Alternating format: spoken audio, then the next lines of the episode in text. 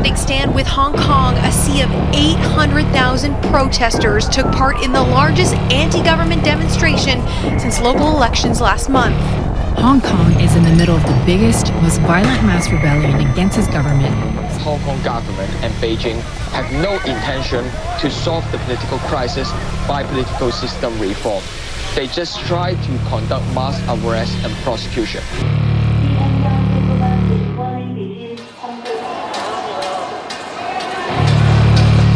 Hong Kong people will never stop and we will never give up. We shall never surrender. Ես այսօր ուզում եմ պատմել Հոնկոնգում տեղի ունեցող իրավիճակի եւ իրադարձությունների մասին։ Ինքս ընթերցել եմ միջազգային իհարկե լրատվամիջոցներից նյութեր, փորձել եմ հասկանալ նաև ինչ լրատվամիջոցներից սպրդած ինֆորմացիա կամ հայացք կարող է լինել, նաև փորձել եմ քիչ թե շատ ցախական ամսագրեր ընթերցել եւ Հոնկոնգը իսկապես հատկապես Հայաստանի լսողների համար հետաքրքիր կարող է լինել որովհետև մի տեսակ շղարշված, քողարկված տարածաշրջան է եւ անձամբ ես բավականին շատ բացահայտումներ արեցի, երբ ուսումնասիրում էի թե ինչ է կատարվում Հոնկոնգում։ Արդեն 6 ամիս է, այնտեղ իրոք շատ մեծ զանգվածային ցույցեր են։ Հոնկոնգը ավտոնոմ տարածաշրջան է, ինքնավար տարածաշրջան է այժմ Չինաստանի ենթակայությամբ, բայց ես կպատմեմ իհարկե Հոնկոնգի պատմության մասին։ Բաղկացած է կղզուց եւ մայրցամաքային տարածքից, ապրում է այնտեղ մոտ 7 միլիոն մարդ։ 7 միլիոն մարդու համար վերջին երկու ամիսների ընթացքում եղել են բողոքի ցույցի օրեր, երբ մինչև 2 միլիոն մարդ է դուրս եկել փողոցներ, ճիշտ վերջերս էլ, այսինքն մի քանի օր առաջ կրկին հերթական ցույցի ժամանակ գրեթե 1 միլիոն մարդ է հերթական անգամ դուրս եկել փողոց։ Այսինքն այսպիսի բնակչություն ունեցող տարածաշրջանի համար կարելի ասել իսկապես զանգվածային բողոքի ցույցեր են։ Բայց մինչև ներկայացնելը թե ինչ հարցերով են եւ ինչ բողոքներով են մարդիկ դուրս գալիս փողոցներ Հոնկոնգում, երևի լավ կլինի, որ ես ներկայացնեմ թե ընդհանրապես այն տարածաշրջանը պատմականորեն։ Հոնկոնգի բախտը, այսպես ասած կարելի ասել, որոշվել է դեռևս 19-րդ դարի կեսերին եւ հայտնի ուրեմն գաղութային նվաճող քաղաքականության արդյունքում բրիտանական կայսրությունը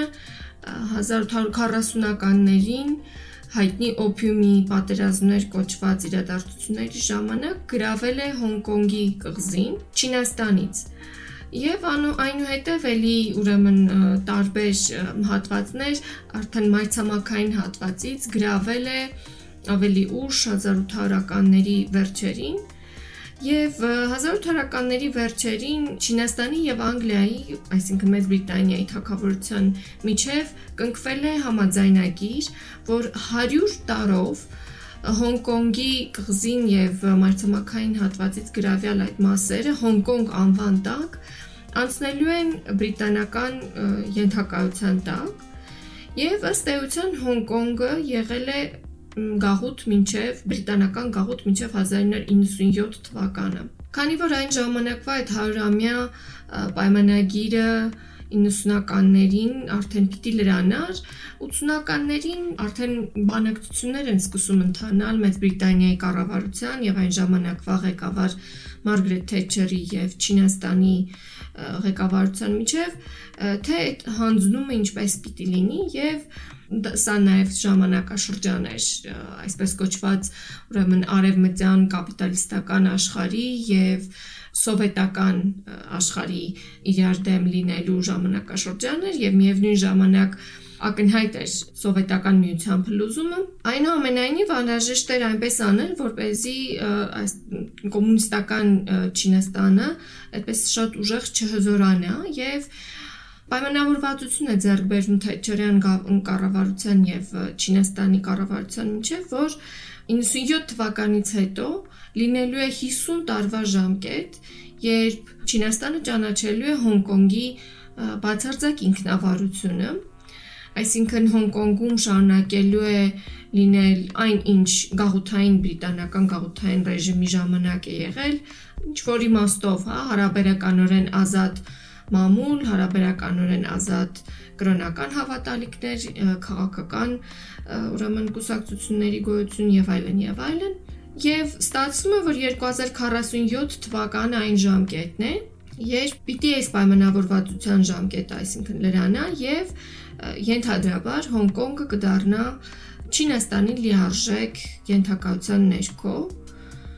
Անգլիական գաղութային ժամանակաշրջանում տիպիկ գաղութ է եղել Իմիջայլոց, երբ նշանակել է ղեկավար, Եվ այստեղ հիմնականում գործել են Բրիտանիայի ֆինանսական, տնտեսական քաղաքականության համար կարևոր քաղաքական ուղություններ եւ Հոնկոնգը ծառայել է իբրև ֆինանսական կենտրոն, բայց հատկապես իբրև օֆշոր։ Երևի արժի դրա մասին ավելի մանրամասն խոսել առանձին, որովհետև օֆշորների, ֆինանսական օֆշորների թեման շատ ավելի բարդ է, բայց այսպեսի մի իրավիճակ է եղել, որ սա եղել է ֆինանսական կենտրոն, ի հակադրություն Չինաստանի եղել է շատ ավելի զարգացած, այսինքն ունեցել է կապիտալիստական տնտեսական համակարգ,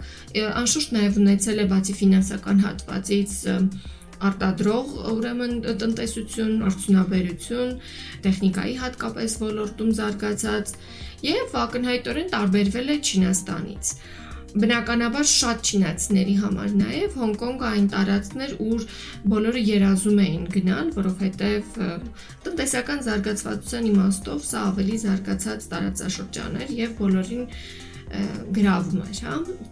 97 թվականից հետո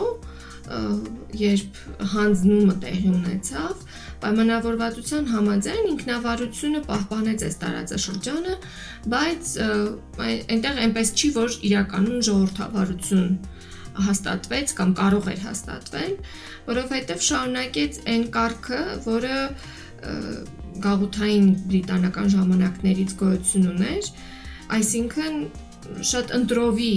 ընտրական համակարգ, այսինքն ոչ թե բոլոր 7 միլիոնից ընտրության իրավունք հնարավոր ունեցող չափահասները կարող էին ընտրությունների մասնակցել, այլ գրեթե 1200 հոգուց բաղկացած այսպես կոչված ընտրիչների կոմիտե, որտեղ հետաքրքիր այսպիսի բաշխվածք կա մինչ օրս գործող, որտեղ հիմնականում խոշոր բիզնեսն են ներկայացված, բժիշկներ, այսպես կարծես ոնց որ բուրժուա սերուցքն է հա, հասարակության, որը իրավունք ունի մասնակցելու ընտրությունների ընտրելու ինքնավար մարզի գործադիր ղեկավար։ Այս ընտրիչների մեջ էլ ժամանակի ընթացքում 97 թվականից սկսած շատ ուրեմն երևի 1/3-ը զբաղեցրել են Չինաստանին կողմ հանդես եկող մարդիկ, մոտ 1/3-ը այդպես բիզնեսմեններ եւ խոշոր օլիգարխներ, եւ 1/3-ն էլ այդպես այսպես կոչված պրո դեմոկրատական անձինք։ Ներկայիս ղեկավարը Քերի Լամը կին է եւ հիմնականում համարվում է Չինաստանին հավատարիմ լոյալիստ մարդ։ Եվ այս բողոքի ցույցերը, որոնք սկսվեցին հունիս ամսից այս տարվա, մի քիչ էլ զարմանալի էին այն իմաստով, որ թվացել հարուստ, հա, բարեկեցություն ապահովող մի տարածաշրջանում, այսպես ասած, երկրում, ինչ բողոքելու հարց ունեին մարդիկ։ Եվ սա է նաև խնդիրը, որ այն քաղաքական պատճառները, որոնց համար մարդիկ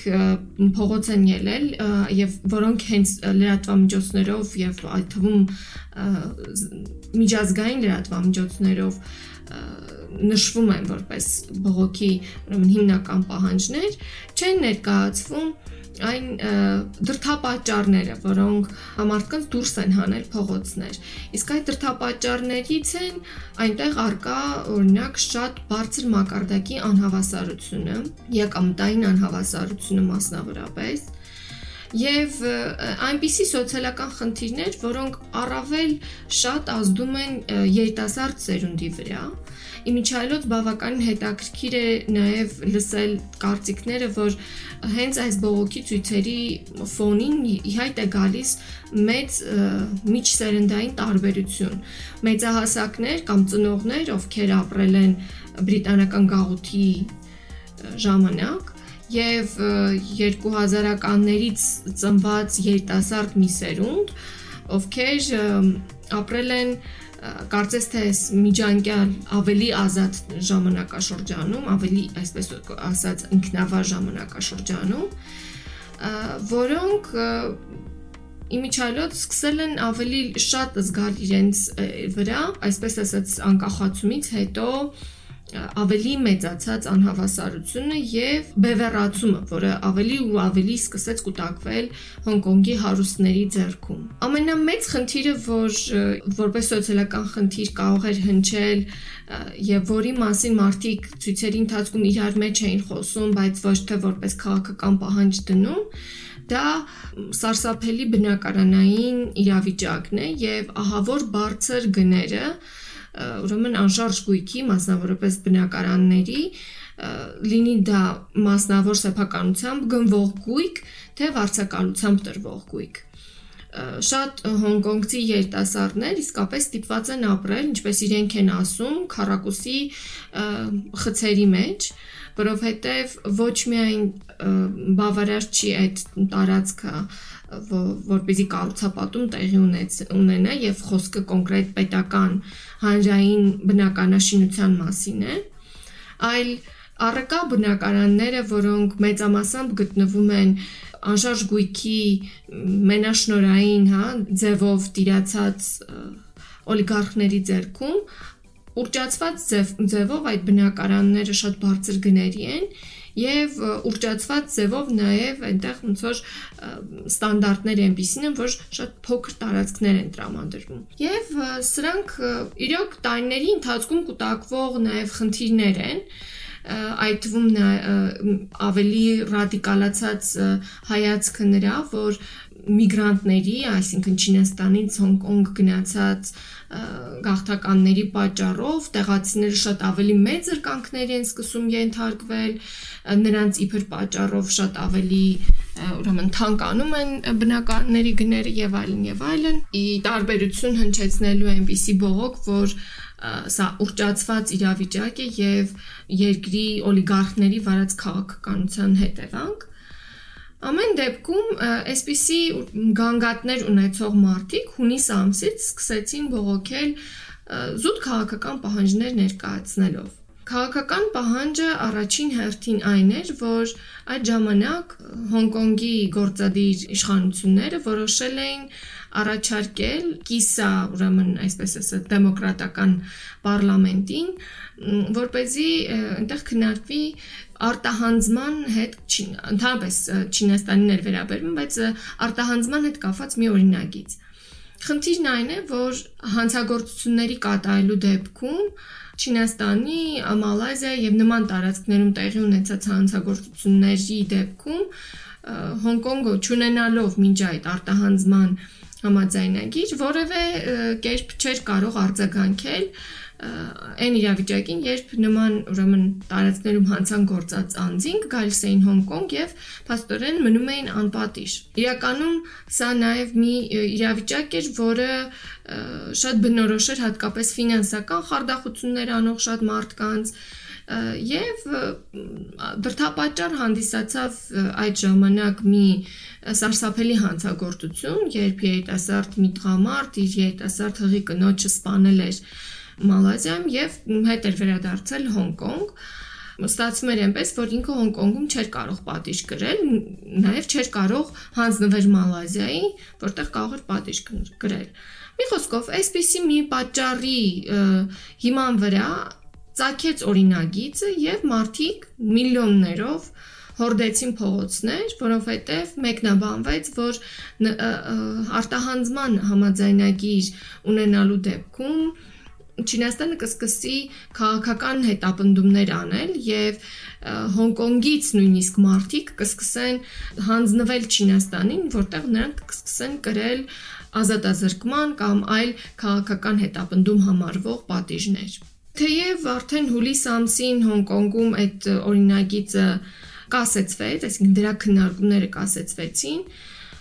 միլիոնավոր մարդիկ շարունակում էին փողոցները ուրեմն լցնել եւ ցույցեր անել, պահանջելով ավելին։ Հիմնականում պահանջում էին որ เป զի ընդհանրապես ոչ թե կասեցվի այդ օրինագծի քննարկումը, այլ օրինագիծը ընդհանրապես հանվի եւ ապագայում երբևէ հետ չբերվի։ Իսկ հետագայում պահանջում էին օրինակ ձերբակալվածներին ազատ արձակել։ Միջայլոց վերջին 6 ամսվա ընթացքում ձերբակալվել է շուրջ 6000 մարդ փոխել ցույցերի հետ կապված օրենսդրությունը, որովհետև Հոնկոնգում, ինչպես եւ Չինաստանում շատ ցույցեր կարող են բնութագրվել իբրև զանգվածային անկարգություններ, իսկ զանգվածային անկարգությունների դեպքում շատ մեծ ուրեմն պատիժներ եւ երկարաժամկետ ազատազրկման ուրեմն պատիժներ են սահմանվում, ուրեմն մինչեւ տասնյակ տարիների հասնող նման հոդվածներով իհարկե հունիս-հուլիս ամիսներին բազմաթիվ մարդիկ են ազատազրկվել, մինչ օրս, ինչպես ասացի, մոտ 6000 մարդ ձերբակալվել է կամ ստացել է ուրեմն ձերբակալվել ազատվել է, բայց ստացել է ուրեմն այսպիսի ուրեմն հոդվածներ։ Այնուհետև հոնկոնգցիները սկսեցին պահանջել համընդհանուր քվեի իրավունք։ Հոնկոնգում հիմնականում մինչ օրս շարունակվում են ուրեմն այս ցույցերը եւ թվում է այնպեսի տպավորություն է կարծես շատ բան հենց ընդդեմ Չինաստանի է հնչում, շատ քաղաքական ուրեմն պահանջներ, Եվ այդ վախն է արտահայտվում այս երիտասարդ սերունդի մոտ, որ արդեն մի 25-27 տարուց իրենք հայտնվելու են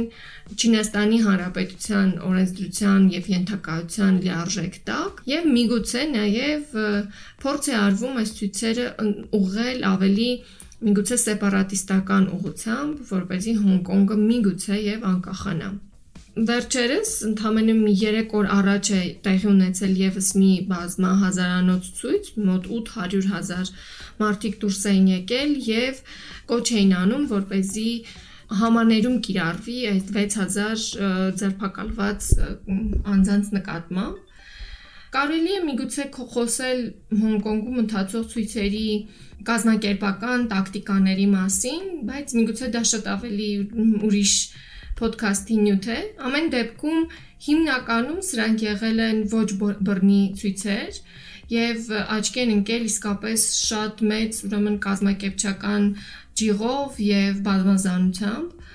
Ինչու եմ ասում հիմնականում, որովհետև եղել են նաև տարբեր էպիզոդներ, երբ ոստիկանության կիրառած բռնի ուժին ցուցարները նույնպես պատասխանել են բռնությամբ, նաև եղել են վանդալիզմի օրինակներ։ Այդուհանդերձ հիմնականում Հոնկոնգում կարելի ասել, այսպես զանգվածային քաղաքացիական անհնազանդության ակցիաներ են տեղի ունեցել։ Ինձ ամենաշատը տպավորել էին ամենաառաջին, ուրեմն հունիս-հուլիս ամիսների ցույցերի ժամանակ գրոհը ահրելի թվով տեսա նկարահանող այդ սարքերի նկատմամբ իմիջայլոց սրանց մասին շատ քիչ է խոսվում, բայց կարծես տիպիկ չինական մի բան է, որ բոլոր փողոցներում այդպես շատ մոտիկ հեռավորության վրա կան նկարահանող սարքեր, ասենց այսպես տոտալ վերահսկողության կարծես թե տարածք տարածքներ լինեն, ինչպես Չինաստանի շատ քաղաքներ, այնպես էլ Հոնկոնգներ, ինչև այս ցույցերի արդյունքում Առաջինը հենց այդ նկարանող սարքերը սկսեցին թիրախել ցուցարարները եւ հեռացնել, հաճախ նաեւ ջարդելով։ Իհարկե դրանք էին նաև պատճառը, որ շատ ցուցարարներ արդեն ձերբակալված էին եւ իրենց սպառնում էին այդ տասնյակ տարիների ազատազրկման պատիժները, պարզապես ցույցերին մասնակցելու պատճառով։ Այնտեղ նաև տեղի են ունեցել շատ մեծ բլոկադաներ, շենքերի այդպես շրջափակումներ նույնիսկ մի օր կարողացել են ցուցարարները գրավել parlamenti շենքը եւ մի խոսքով իրենց անհամաձայնությունը ցույց են տվել նաև սիմվոլիկ ձևերով եղել են նաև ուրեմն շատ մեծ թվով գործադուլներ համընդհանուր գործադուլի կոչ է եղել, բայց հիմնականում ուսուցարները թույլ չեն տվել, որպեսզի կարևոր ենթակառուցվածքներ գործեն, չվերթներ են կասեցվել, խոշոր մայրուղիներ եւ գնացքներ են ուրեմն կանգնեցվել Հոնկոնգում ցույցերի համատեքստում այդպես սոցիալական խնդիրները չեն քննարկվում եւ շատերն են հատկապես ցախ ուրեմն քննադատներից խոսում այն մասին, որ Հոնկոնգում ցույցերը ավելի ռեակցիոն բնույթ են կրում, սրանք ոչ թե ավելի շատ պրոգրեսիվ նպատակներ են հետապնդում, ինչպես Լատինական Ամերիկայի ցույցերն են, այլ շատ ավելի հաճախ, ասենք, Չինաստանի դրոշը օրինակ փոխարինվում է բրիտանական գաղութային ժամանակաշրջանի Հոնկոնգի դրոշով ինչը բավական լուրջ խնդիր է իրենց ներկայացնում, որովհետև հասկանալի չէ, թե այդ դեպքում հոնկոնգցիների պահանջը ինչ է։ Իրենք չեն ուզում Չինաստանի հետ լինել, բայց ինչ են ուզում։ Ուզում են վերադառնալ Բրիտանիայի ենթակայության տակ, թե ուզում են անկախանալ։ Եվ հետեւաբար, եթե սրանք են այդ խնդիրները, ապա անհավասարության առաջացրած սոցիալական այդ խնդիրները ինչպես են լուծվելու։ Մի խոսքով Ես այսքանն եմ ուզում ներկայացնել Հոնկոնգի ցույցերի մասին, ինչպես ասացի, դեկտեմբերի 8-ին է տեղի ունեցել վերջին շատ մեծ զանգվածային ցույցը եւ հնարավոր է որ Հոնկոնգի մասին ելի շարունակենք լուրերից հետևել, բայց ես ամենաշատ ուզում եի որ մենք իմանանք, որ այսպես բարեկեցիկ կյանքով տպավորություն թողող այս տարածաշրջանում մարդիկ դուրս են եկել ցույցերի եւ իրենք բացի քաղաքական պահանջներից տեսանելի ակնհայտ ունեն շատ լուրջ սոցիալական խնդիրներ, ուրեմն երկրի հարստության անհավասար բաշխում եւ շատ մեծ բնակարանային խնդիր, որը գտնվում է անշարժ գույքի խոշոր օլիգարխների ձեռքում։ Եվ անշուշտ Հոնկոնգը շարունակում է մնալ օֆշորային տարածք եւ շատ մեծ կարևոր դեր ունի համաշխարհային կապիտալի համար, ավելի խոշոր համակարգային ցնցումներ երևի ոչ Չինաստանին է ձեռնտու, ոչ էլ ընդհանրապես աշխարհում որևէ երկրի, առավել եւս Մեծ Բրիտանիային։ Կշարունակենք մեր այս շարքը աշխարհում ընթացող մյուս խոշոր ցույցերին անդրադառնալով։ Շնորհակալություն։